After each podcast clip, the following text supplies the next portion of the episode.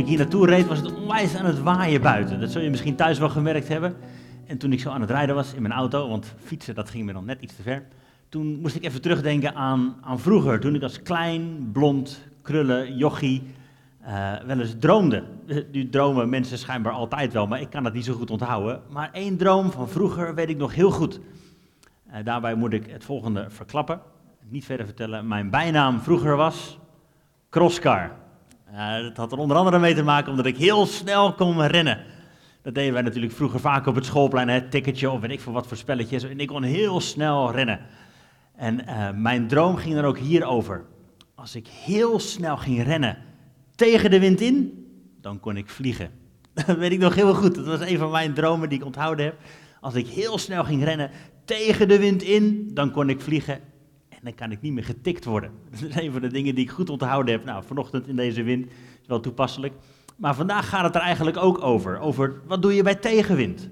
Wat doen we bij tegenwind? We zitten eh, in het, in het staartje van 2020. We weten ondertussen wel iets over tegenwind, over tegenslag, over omstandigheden die niet ideaal zijn.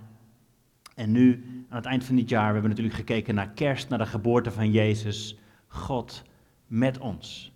Dat is wat we met kerst ook gevierd hebben. Jezus, Immanuel, God met ons. Maar wat betekent het nu als God met ons is, als het met ons even niet zo lekker lijkt te gaan? Nou, we gaan wat Bijbelteksten lezen over Maria, over hoe het met haar begon, maar ook het gevolg, het vervolg van haar leven een rode draad door de hele Bijbel en misschien ook wel in jou en in mijn leven. Ik ga eventjes wat Bijbelteksten voorlezen en uh, let's take it from there. We beginnen in Lucas 1. In de aanloop naar de geboorte van Jezus staat in vers 28 dit. En toen de engel bij haar binnengekomen was, zei hij: Wees gegroet, begenadigde. Dit is dus het moment dat de engel Maria opzoekt en aankondigt dat zij zwanger zal worden. Wees gegroet, begenadigde, de Heer is met u. U bent gezegend onder de vrouwen. En toen ze hem zag, raakte ze in verwarring door zijn woorden. En ze vroeg zich af wat de betekenis van deze groet kon zijn. En de engel zei tegen haar: Wees niet bevreesd, Maria, want u hebt genade gevonden bij God. Dit is de eerste ontmoeting van een engel met Maria. Die komt haar vertellen, je zult zwanger worden. Immanuel zal geboren worden. En ze, wist natuurlijk, het was al honderden jaren geleden daarvoor voorspeld. De maagd zal zwanger worden en ze zal voortbrengen Immanuel, God met ons. En dit is de, de boodschap aan haar. God is met je. Je bent gezegend, je bent begenadigd. Hij heeft jou uitgekozen. Wat een boodschap, ongelooflijk om te horen. God heeft me gezien denkt Maria. En wat ze gaat doen, ze gaat met dit verhaal naar Elisabeth. Het is natuurlijk nogal niet wat. Zij, een ongetrouwde jonge vrouw, die in één keer een kind verwacht. Van God, heeft de engel voorzegd. Ze gaat ermee naar Elisabeth. Dat is een nicht van haar, die ook zoiets bijzonders heeft meegemaakt. Op hoge leeftijd is zij zwanger geworden. En nu draagt ze in haar schoot wat later Johannes de Doper zal zijn. Nou, Maria, Elisabeth, familie van elkaar. Maria gaat op weg en ze klopt aan op de deur van Elisabeth en dan lezen we dit in vers 41 van hetzelfde hoofdstuk. En toen Elisabeth de groet van Maria hoorde, gebeurde het dat het kindje opsprong in haar buik. En Elisabeth werd vervuld met de Heilige Geest en ze riep met luide stem: Gezegend ben je onder de vrouwen, Maria. Gezegend is de vrucht van je buik.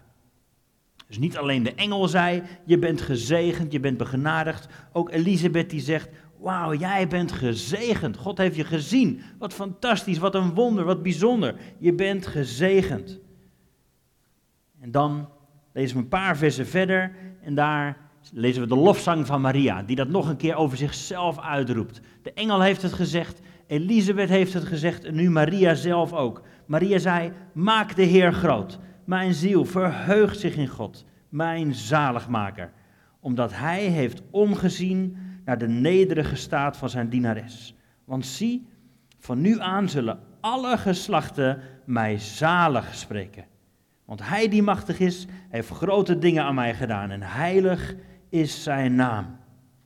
Nou, je begrijpt ondertussen wel wat de rode draad hiervan is. Maria is bijzonder gezegend. God heeft haar gezien, heeft haar begenadigd. Zij wordt zwanger van, van het kind van God zelf. wat later Jezus zal zijn, wat bijzonder. Wat is ze gezegend. En als je niet verder zou weten dan dit, dan zou je denken, nou vanaf hier gaat het alleen maar op een, een roze wolk, zeg maar. Het wordt een fantastisch leven voor Maria. Ze wordt door iedereen nagewezen. Oh, jij bent die gezegende vrouw. Oh, God houdt van je. Wat ben jij bijzonder. Wat ben je speciaal. Waren we allemaal maar zoals jij. Zoiets zouden we een beetje voor ons kunnen zien natuurlijk. Als iemand zegt, God heeft je gezegend. Maar het tegendeel eigenlijk is waar. Want dit is wat gebeurt. Ze wordt eigenlijk nagewezen. Jij bent ongehuwd zwanger. In die tijd was dat echt een schande. Ongehoord. Ongehuwd zwanger. Een buitenechtelijk kind. Wat zou er allemaal wel niet gebeurd zijn? Zo wordt ze nagewezen. Maar ook wat we meteen lezen na de geboorte van Jezus, is dat ze moeten vluchten. Ze moeten naar Egypte. Want er is een enorme kindermoord gaande. De koning had gehoord dat er de koning der Joden geboren werd. En wat hij toen deed, is alle kinderen onder de twee jaar moesten vermoord worden. Een afgrijselijk, afgrijselijke tragedie. En om dat te voorkomen moesten Maria en Jozef, gewaarschuwd door een engel, vluchten naar Egypte. Zo had ze het niet bedacht. God is met ons. En dan moet mijn baby geboren worden in een stal, gelegd in een kribbe, niet eens in een normaal huis. En dan moeten we ook nog rennen voor ons leven. Wat betekent dit? God met ons. Wat is dat voor iets aparts? Wat ik al zei, de rest van haar leven zal ze waarschijnlijk nagewezen zijn. Jij bent die vrouw van het buitenechtelijke kind. Dan lezen we verder als Jezus volwassen is geworden. Dat hij rond gaat trekken om mensen te vertellen over het goede nieuws van het koninkrijk. En, en zijn moeder en zijn broer staan buiten te wachten. Die willen hem eigenlijk ontmoeten. Ze hadden hem al een poos niet gezien. En dat Jezus dan deze woorden zegt. Wie zijn mijn broers? Wie is mijn moeder? Oh, dat zal binnengekomen zijn bij God, u had me toch gezegend, u heeft me toch begenadigd, het was toch goed nieuws? En nu zegt hij dit? Wat is dat voor rare boodschap? En verderop dan, als Jezus aan het kruis hangt, er dat Johannes daar stond samen met de moeder van Jezus. Wat zal dat, zoals al voorspeld was, een zwaard door haar ziel geweest zijn? Is dit wat het betekende, Maria? God heeft je begenadigd, God heeft je gezien en gezegend. Wij zouden denken, wat een fantastisch leven gaat deze vrouw tegemoet. Maar als we zo alleen al in vogelvlucht kijken, een tragedie eigenlijk. Wat een moeilijk, zwaar leven zal ze ook gehad hebben. Ondanks dat ze wist, God is met me. Degene die ik voortgebracht heeft, is de zoon van God zelf. Wat bijzonder. Maar daarnaast betekende dat ook al deze tegenslagen. En helaas, helaas is dat niet uniek in de Bijbel. Dat lezen we eigenlijk al helemaal in het begin. Laten we even teruggaan naar bijvoorbeeld Genesis 6. Als Noach uitgekozen wordt door God.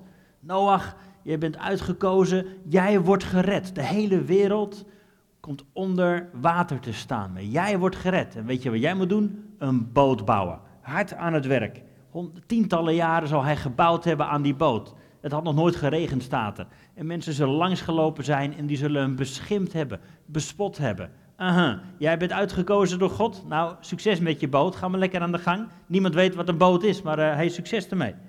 Dat was natuurlijk iets vreemds. En verderop in Genesis 12, ook zo'n verhaal. Abraham wordt uitgekozen door God. Abraham wordt gezegend. In jou zullen alle volkeren gezegend worden. Ik zal jou zegenen, Abraham. Jij bent mijn vriend. Ik zegen je. Ga op reis. Ga erop uit.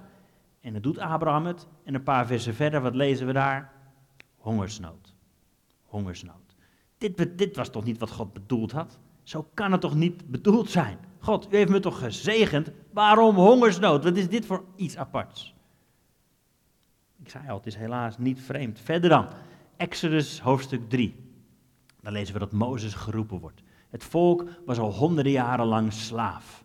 En dan komt God om Mozes te ontmoeten. Weet je nog, in die brandende braamstruik. Mozes, ik kies jou. Ik heb jou gezien. Ik heb jou gezegend. Ik heb jou uitgekozen. Wauw. Ga naar Farao toe en zeg dat hij het volk vrijlaat. En Mozes, uiteindelijk, na een hoop tegensputten, doet hij het. Gaat hij naar Farao toe. En het eerste wat gebeurt is dat het volk nog verder onder druk komt te staan. De slavernij verergert alleen maar. Ze worden nog meer onderdrukt. Wat betekent, dit? Wat betekent het nou? God is met je.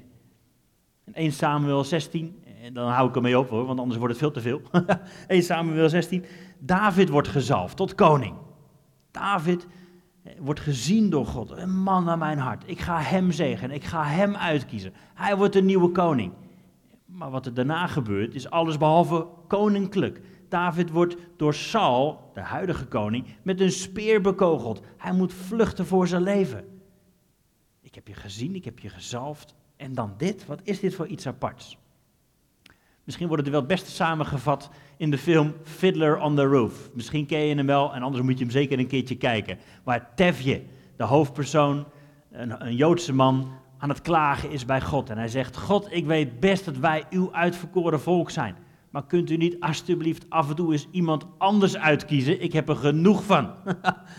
Heel herkenbaar als je dit zo leest in al deze verhalen. God die iemand zegent, maar in plaats van dat het beter lijkt te gaan, komt er eerst een heleboel tegenslag. Wat betekent het nou, God is met ons? God heeft ons gezegend. Misschien herken je het wel in je eigen leven. Dat je denkt, ik weet dat God van me houdt, hier in mijn hoofd weet ik het, maar al mijn omstandigheden laten eigenlijk precies het tegenovergestelde zien. Hoe kan dat nou? Wat betekent het nou? En wat heb ik eraan, God met ons? Ik merk er bar en bar weinig van. Het zal voor ieder van ons op onze eigen manier herkenbaar zijn. Hebben we het dan verkeerd begrepen? Hebben we het dan verkeerd gehoord? Snappen we God niet? Is hij toch anders dan dat hij zei dat hij was? Bij ons thuis hebben we ook zulke verhalen. We gingen, wat is het, ondertussen uh, 13, 14 jaar geleden, 15 jaar geleden, gingen we naar Denemarken toe, naar een bijbelschool. We hadden drie jonge kinderen en Heidi en ik hadden het op ons hart, zoals dat dan zo mooi heet, om, om een bijbelschool te gaan doen. We wilden iets anders met ons leven. We geloofden dat God zei, ga maar op reis, ga maar doen. Dus we gingen naar een bijbelschool. Maar weet je wat het ons gekost heeft? Een heleboel struggles, een heleboel geld sowieso. Niet alles ging van een leien dakje. En die, die jaren daarna ook, toen we naar Engeland verhuisden, omdat we geloofden dat God zei, ga op reis, ga die kant op, ga het doen. Ook daar, het eerste wat we meemaakten waren niet wonderen van God, zoals wij ze hadden verwacht. Het eerste wat we daar meemaakten was financiële tegenslag, was, was struggles, was moeilijkheden, was help, we hebben een hoop maand aan het eind van ons geld over. Verhalen, verhalen van zulke soort dingen die we meemaakten. En de ene keer eh, was hij die volgeloofde, de andere keer ik. Maar het ging allemaal niet vanzelf. Terwijl we toch echt wisten, we doen wat God gezegd heeft. Wat betekent dat dan? God is met je. En later nog, toen God uh, tot mij begon te spreken, ik wil, ik wil dat je een kerk gaat beginnen. Het was ook niet alleen maar halleluja, prijs de Heer vanaf daar. Het was een hoop struggles, het was een hoop werk, het was een hoop opgeven om te kunnen doen waarvan ik geloof dat God gesproken heeft.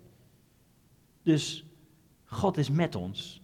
Maria, je bent begenadigd, je bent gezegend. Betekent niet, het is alleen maar een roze wolk. We hebben geen tegenslag meer. Nee, er is ook in die tijd gewoon tegenslag, lijden. En dat herkennen we natuurlijk als we kijken in dit jaar. Het is een, een, een jaar vol met tegenslag. Corona hangt als een donkere wolk over dit jaar. Waar is God? Wat betekent God met ons als het met ons de verkeerde kant op lijkt te gaan? Hoe gaan we daarmee om, met deze realiteit? Ik wil je een paar handvatten meegeven om goed door deze tijd heen te komen. Want ik geloof, als een rots zijn we gebouwd op Jezus. Hij is nog steeds met ons. God verandert niet, zeiden we met kerst. Jezus verandert nooit. Maar waar hij komt, verandert alles. Niet altijd op de manier dat wij hadden gehoopt. Hoe gaan we daarmee om? Ik heb drie handvatten en een hele hoop B's om mee te beginnen. Het is een bladzijde in je boek. Dat is nummer 1, handvat nummer 1. Let op, dit is een bladzijde in je boek. Dit verhaal waar je nu middenin zit, is een bladzijde in je boek. Het is niet het hele verhaal. Er komt een tijd dat deze bladzijde wordt omgeslagen en er een nieuw hoofdstuk begint. Het kan zo voelen als je midden in tegenslag zit, als je midden in een depressie zit, als je midden in nare omstandigheden zit dat je denkt, mijn leven is helemaal verpest. Maar pas op, dit is een bladzijde in je boek. En het is niet het einde van het verhaal. Er komt een tijd dat de bladzijde wordt omgeslagen. Het karakter van God is nog steeds hetzelfde. Hij is nog steeds de liefdevolle vader. Hij is nog steeds de goede herder. Hij is nog steeds Immanuel, God met ons. Ik moest denken aan dit verhaal in Johannes 11. Misschien ken je het, zo niet, dan zou ik je willen vragen, lees het eens door. Johannes 11 gaat over het verhaal van Lazarus, een goede vriend van Jezus. Op een dag komen mensen bij hem en zeggen, Jezus, let op, Lazarus is ziek, hij gaat dood. Hij was een paar honderd kilometer verderop ongeveer. En wat Jezus dan doet, staat in vers 5, vers 6, sorry. Jezus wacht nog twee dagen. Hij wacht twee dagen voordat hij op reis gaat naar zijn goede vriend Lazarus, die op sterven lag. En inderdaad, als hij daar aankomt, dan ontdekt hij, Lazarus is al vier dagen dood. Wat een tragedie. En als je niet verder zou lezen dan dit, dan zou je inderdaad kunnen denken, wat betekent dat nou? God is met ons. Wat is dit voor iets? Maar wat ik al zei, dit was een bladzijde in een boek. Want de bladzijde wordt omgeslagen en dan lezen we dit in vers 15. Jezus zegt dan, ik ben blij voor u dat ik er niet bij was, opdat u gelooft. Opdat u gelooft. Ik ben blij voor u dat ik daar niet bij was, opdat u gelooft. En dan lezen we dat Jezus Lazarus uit de dood opwekt. Een ongelooflijk wonder. Maar als we hadden gestopt midden in het verhaal, hadden we gedacht, waar gaat het over? En nog steeds kun je je afvragen, waarom moest dit nou op die manier? Maar Jezus geeft hier de sleutel, opdat u gelooft. Het is een bladzijde in je boek.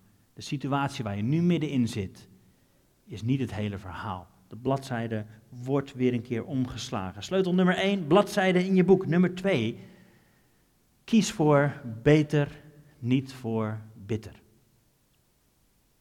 In welke situatie je ook zit. Er is altijd een keuze waarop, ja, de manier waarop jij daarop kunt reageren. Word je bitter? Ga je inderdaad twijfelen aan God? Waar bent u nou? Wat is het nou voor onzin? En ga je je afkeren van Hem? En laat je je hart verbitteren? Word je cynisch? Ga je overal over twijfelen, tegenaan schoppen? En dat betekent niet dat je geen vragen mag stellen. Ik geloof dat de, de beste antwoorden komen op de meest irritante, lastige vragen. Het is goed om vragen te stellen. Dat mag. En soms is het ook nodig om bepaalde onderdelen van je godsbeeld af te schudden. Die dingen waarvan je je hele leven misschien al gedacht hebt, dit is wie God is. En dat je er halverwege je reis achterkomt dat God toch anders in elkaar steekt. Ik heb het wel eens eerder gezegd misschien. Een zinnetje uit een boek wat me altijd bij is gebleven. God doesn't do control. God doet niet aan controle. En dat is een spannende. En ik geloof dat het waar is. Weet je, we kunnen natuurlijk vol overtuiging zeggen: God regeert. God regeert over deze aarde. God heeft alles in zijn hand. Maar als we daarmee bedoelen dat alles precies zo gebeurt zoals God het bedoeld heeft, dan kun je best wel eens tegen een muur aanlopen. Want wat doe je dan met dat zieke kind? Wat doe je dan met die problemen waar je tegenaan loopt? Is dit wat God bedoeld heeft? Heeft hij het zo bestuurd? Zit hij boven op een wolkje aan touwtjes te trekken om mensen lekker ziek te maken of zo? Als je niet uitkijkt kun je een heel verwrongen godsbeeld krijgen. God doet niet aan controle. Ja, er is een hoop gaande in de wereld waarvan we kunnen zeggen, dit is niet Gods wil. Want we weten wie God is. We weten dat God precies is zoals Jezus. En hij doet niet aan controle, maar hij is er wel bij. Hij is er wel bij. Wij zijn helaas niet ontslagen van tegenslagen. Dat is ook waarom Jezus zegt: tel de kosten op en neem je kruis op. Weet je wat het kost om mij te volgen? En we hebben er misschien in het Westen een wat afgetrokken aftreksel van gemaakt. Van ja, weet je wat, als je Jezus kiest, dan lost Hij al je problemen op. En dan wordt het inderdaad alleen maar beter vanaf hier. Maar Jezus is daar helder over. Het kost je wat om mij te volgen, maar het is het allemaal waard. Zo is het ook niet. Het, het kost je wel wat. En we zijn helaas niet ontslagen van tegenslagen. En in die tijd kunnen we kiezen, maakt dit mij beter of bitter? Word ik er cynisch van of maakt dit mij juist sterker? Ik noemde net al, toen wij in Engeland zaten, we hebben best een aantal keer op het punt gestaan om te zeggen, weet je wat, laat maar zitten, we gaan wel terug. Want zo alsjeblieft, zeg, moet het nou op deze manier? En ik weet nog dat ik op een dag uh, een beetje met de moeder wanhoop naar onze voorganger daar ging en hem voorlegde van, joh luister, we lopen nu hier tegenaan. Volgens mij is dit de druppel hoor, ik, ik weet niet of we dit nog trekken. En dit is wat hij toen tegen me zei. Luister, dit kan je of van je sokken blazen, of het kan je juist verstevigen in je overtuigingen. Jij kiest. Dat was wel niet het pastorale antwoord dat ik gehoopt had misschien, maar het was wel wat me ons verder geholpen heeft. Oké, we hebben tegenslag. Wat gaat het doen? Blaast het ons van onze sokken?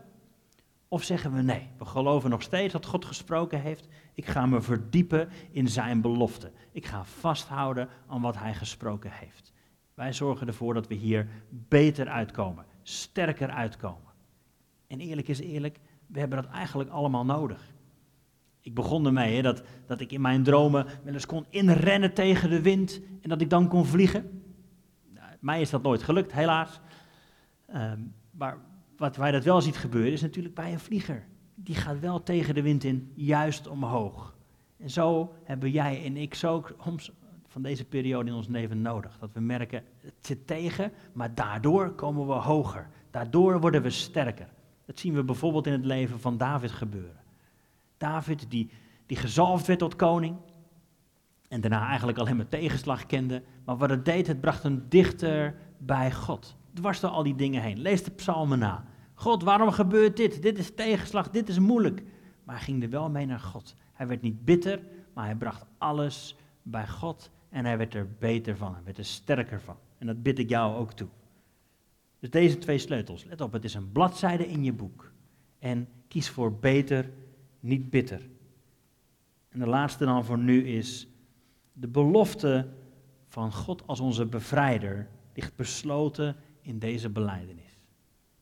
Jezus is Heer. De belofte van een bevrijder ligt besloten in onze beleidenis. Jezus is Heer. Natuurlijk erkennen we, vieren we, Jezus is onze redder. Jezus is onze geneesheer. Jezus is onze vriend. Jezus is onze probleemoplosser. Jezus is onze raadgever. Maar boven dat alles moeten we zeggen, Hij is Heer. Ook al gaat het anders dan ik had verwacht. Als we genoegen nemen met, Hij is mijn redder, zodat ik naar de hemel kom als ik doodga, dan missen we zoveel. Het begint hiermee. Dit is het goede nieuws in drie woorden. Jezus is Heer. Dit is het evangelie, geloof ik, in drie woorden. Jezus is Heer. En als we daar telkens weer bij terugkomen, ook in tijden van tegenslag, ook in tijden, net zoals Maria, dat we denken, waar gaat dit heen, waar is dit voor nodig? Dit is onze troost, dit is onze rots, dit is onze zekerheid. Jezus is Heer. Hij is nog steeds God, jij en ik niet. Hij heeft het overzicht, hij weet wat goed voor ons is. Jezus is Heer. En ik hoop en ik bid dat je daar telkens weer bij terug mag komen. Het is een bladzijde in je boek. Deze tijd gaat voorbij. Kies ervoor om hier sterker uit te komen. Niet bitter, maar beter. En hou vast aan deze beleidenis. Jezus is Heer. Amen. Amen. Amen. Mooi, mooi. Dankjewel.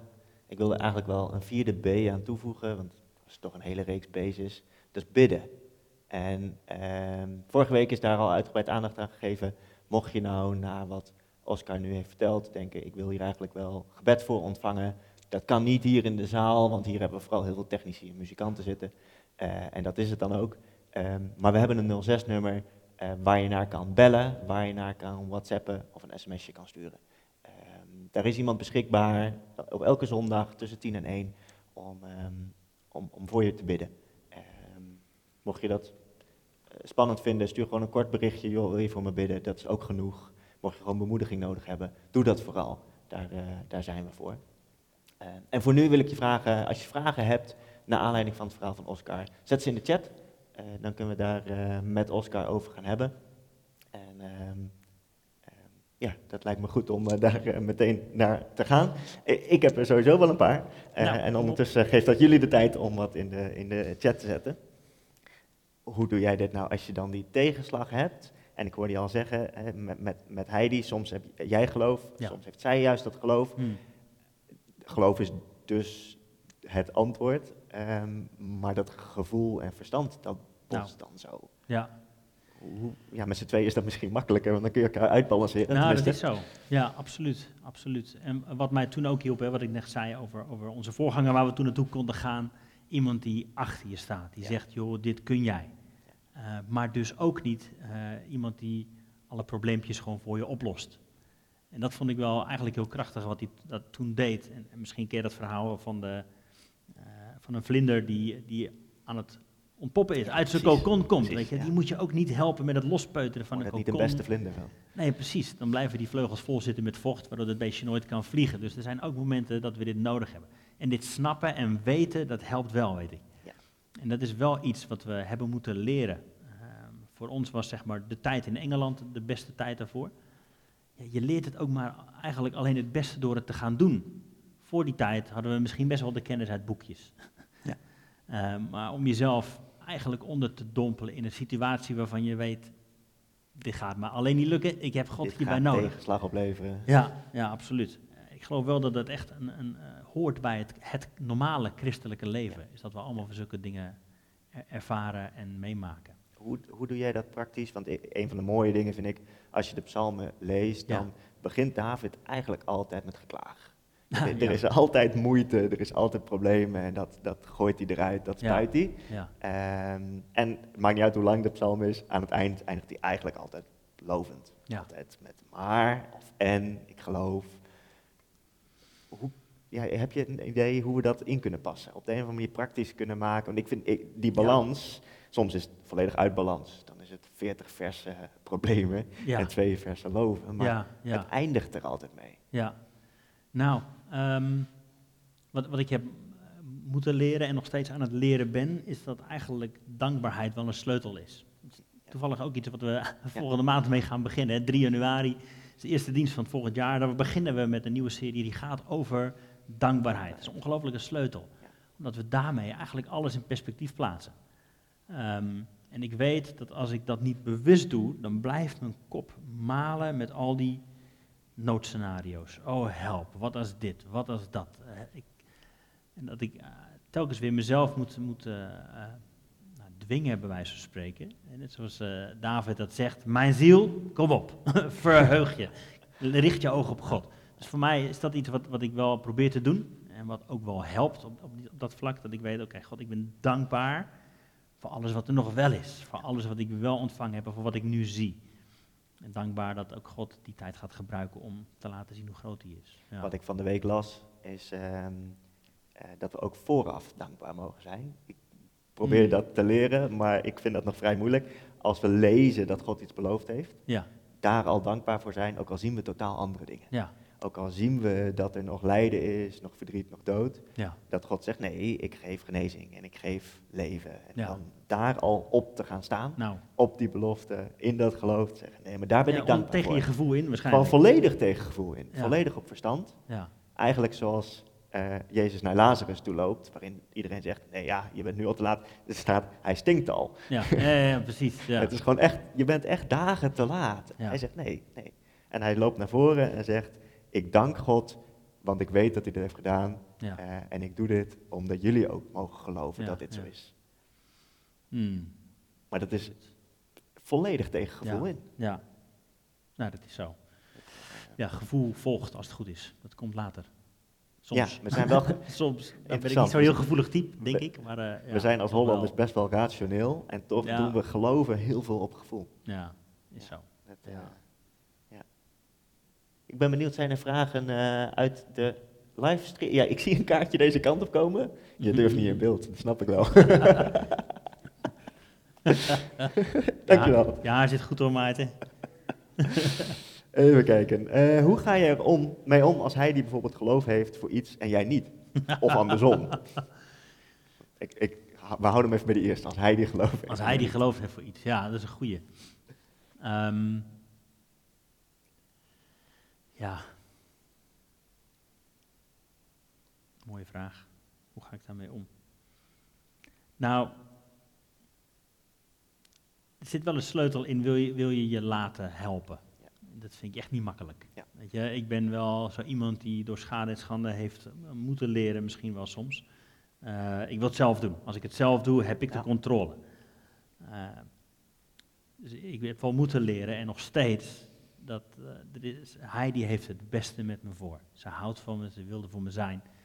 Wil ik, wil ik haar, vertrouw ik haar dat zij ook het beste voor mij heeft. Uh, dus dat, dat is wel echt een, een, reis geweest en nog steeds wel, merk ik. Um, maar dat dus ook gewoon op die manier ontvangen.